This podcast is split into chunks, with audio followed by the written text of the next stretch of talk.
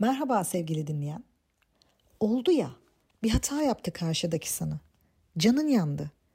Artık eğilmem dediğin yerde çıktı kamburun.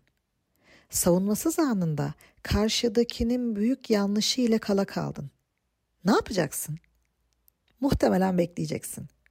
Çok kırıldım diyecek. Hatta asla affetmem diyecek ama kırıldığın yerde tamiri bekleyeceksin. Ya tamir etmeye yanaşmazsa? Ya hataya hata ile karşılık veriyorsa? Telafisi mümkün olmayan anların telafi etmeye yanaşmaz aktörleri bugünkü konumuz. Hadi konuşalım. En temel duygularından biri korku.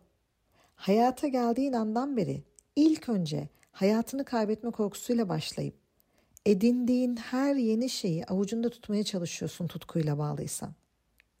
Bir ilişkide en sık yaşadığın şey belki de kaybetme korkusu. Derinden bağlı olduğun ya da kendini çok iyi hissettiğin ilişkinin sonlanı vermesinden duyduğun korkudan bahsediyorum. Korkunun iki faydası var, bilirsin. Kendini korumanı ve geleceğe dair plan yapmanı sağlar ki kendini koruma ve hayatta kalma konusunda tehlikelere düşmeyesin. Yani ikinci maddede ilk madde hizmet eder. Seni itekler korku, var olan gücünü ortaya çıkartır. İlişkideki kaybetme korkusu da ilişkinin devamı ve geleceğinde onu da gördüğün, görmek istediğin altyazısını taşıdığından önemlidir partnerin için. Oluruna bırakmandansa kaybetmekten korkmanı bekler çoğunlukla karşındaki. Belki de bu yüzden kaybetme korkusu olmamak ne demek diye sık sık sorar danışanlarım. Ya kendi korkusundan kurtulmak istediğinden ya da hayatında onu kaybetmekten korkmayan birine rast geldiğinden.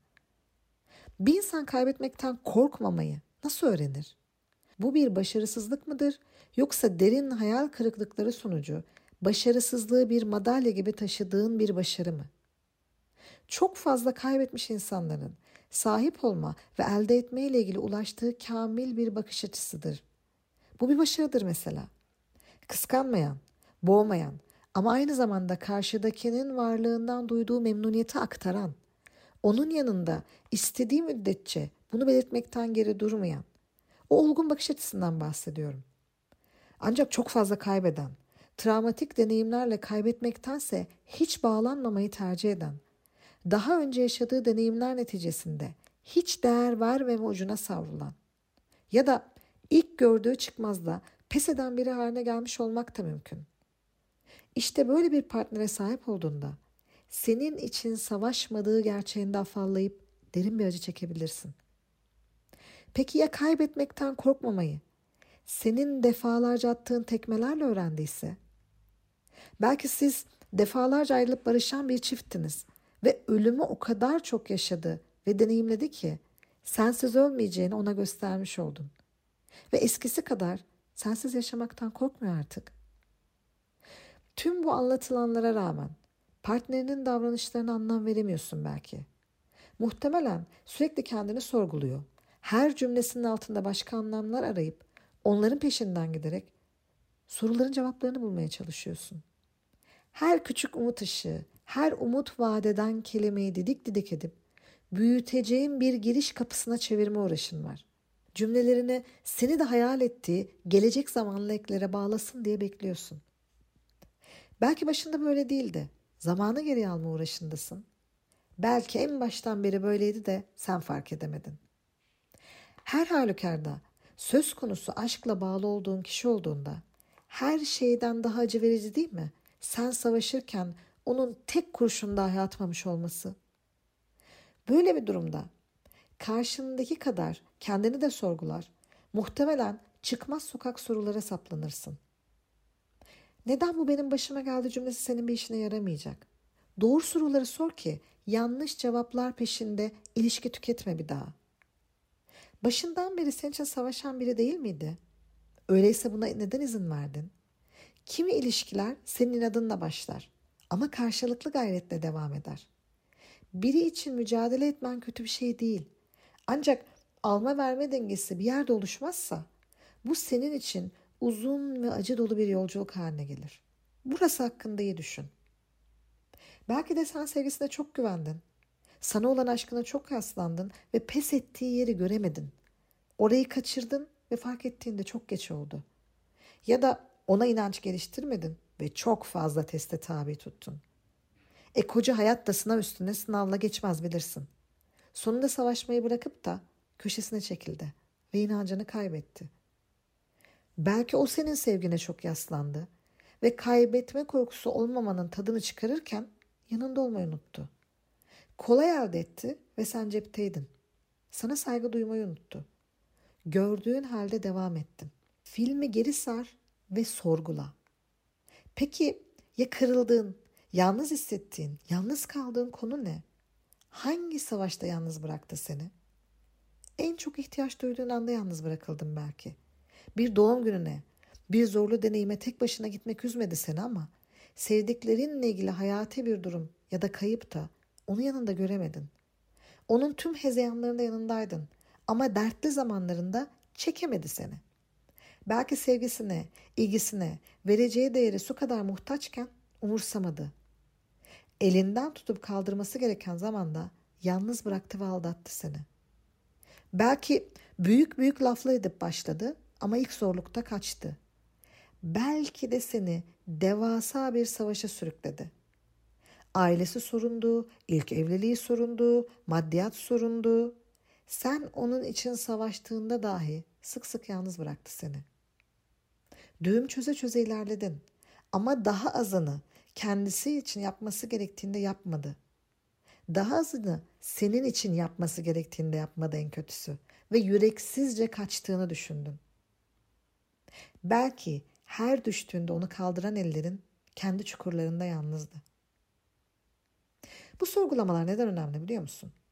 Kalben bağlı olduğun biri tarafından gözden çıkarılmış hissediyorsun. Bunu kaldıramıyor, altında eziliyorsun. Kafanın bir yerinde senin için yapabileceği bir şeylerin listesi varken hepsinin karşısında kocaman bir boşluk duruyor. Belki de aslında sadece sana yapılmadığını bilmek acıtıyor seni. Senden önceki bir ilişkisi ya da seni bırakıp gittikten sonra yaptıklarıyla herkese sunduğu o gül bahçesinden bir yaprak alamadın. Derdinde yalnız, kederinde halsiz kaldın. Yapacağı onca şey varken senin için savaşmadı. Belki çoktan savaşmaktan yorulduğundan, belki korkak olduğundan, belki hiç başlamamış olduğundan. Ama uğrunda mücadele edilmeyen sen haraç mezat elden çıkarılmış gibi hissediyorsun. Ne yapmalı? İnsan bunun acısını, belki de öfkesini nasıl atlatır ki? Öncelikle kendine sorduğun soruların hangisi senin cevabın? Baştan beri seni cepte gördüğü sonucuna ulaştınsa özdeğer ve sevgi duygusuyla çalışman gerekir üstüne. Sevilmeye, özen gösterilmeye değer olmadığına dair bir düşüncen var. Ve bilinçli ya da bilinçsiz bir şekilde karşı tarafta yankı bulduysa bu, sana bu yüzden sahip çıkmamış olabilir. Verme alma dengesinin olmadığı bir ilişkide devamlı alan taraf emek harcamak için çaba göstermez. Çünkü sen her şeyi alttan alan, idare eden taraf olursun. İstek, ihtiyaç ve taleplerini görmezden gelir. Çünkü ne yaparsa yapsın ilişki zaten onun kontrolündedir. Sonsuza dek veremediğin gibi karşılık bulmamış emeklerinle kala kalmak sana acı verir. Tam da bu yüzden sevme, sevilme, öz değer gibi konularda kendi içine bir bak istersen. Başında çok savaşan birini pes ettirdiysen, güven eşiğin yüksek, testlerin zor olabilir.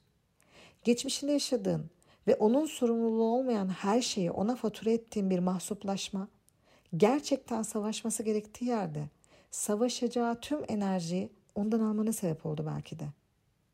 Elde kalanı ancak gitmesine yetti. Savaşacak takati bulamadı artık. Çünkü sen savaşmasını değil, pes etmesini sağladın istemsizce.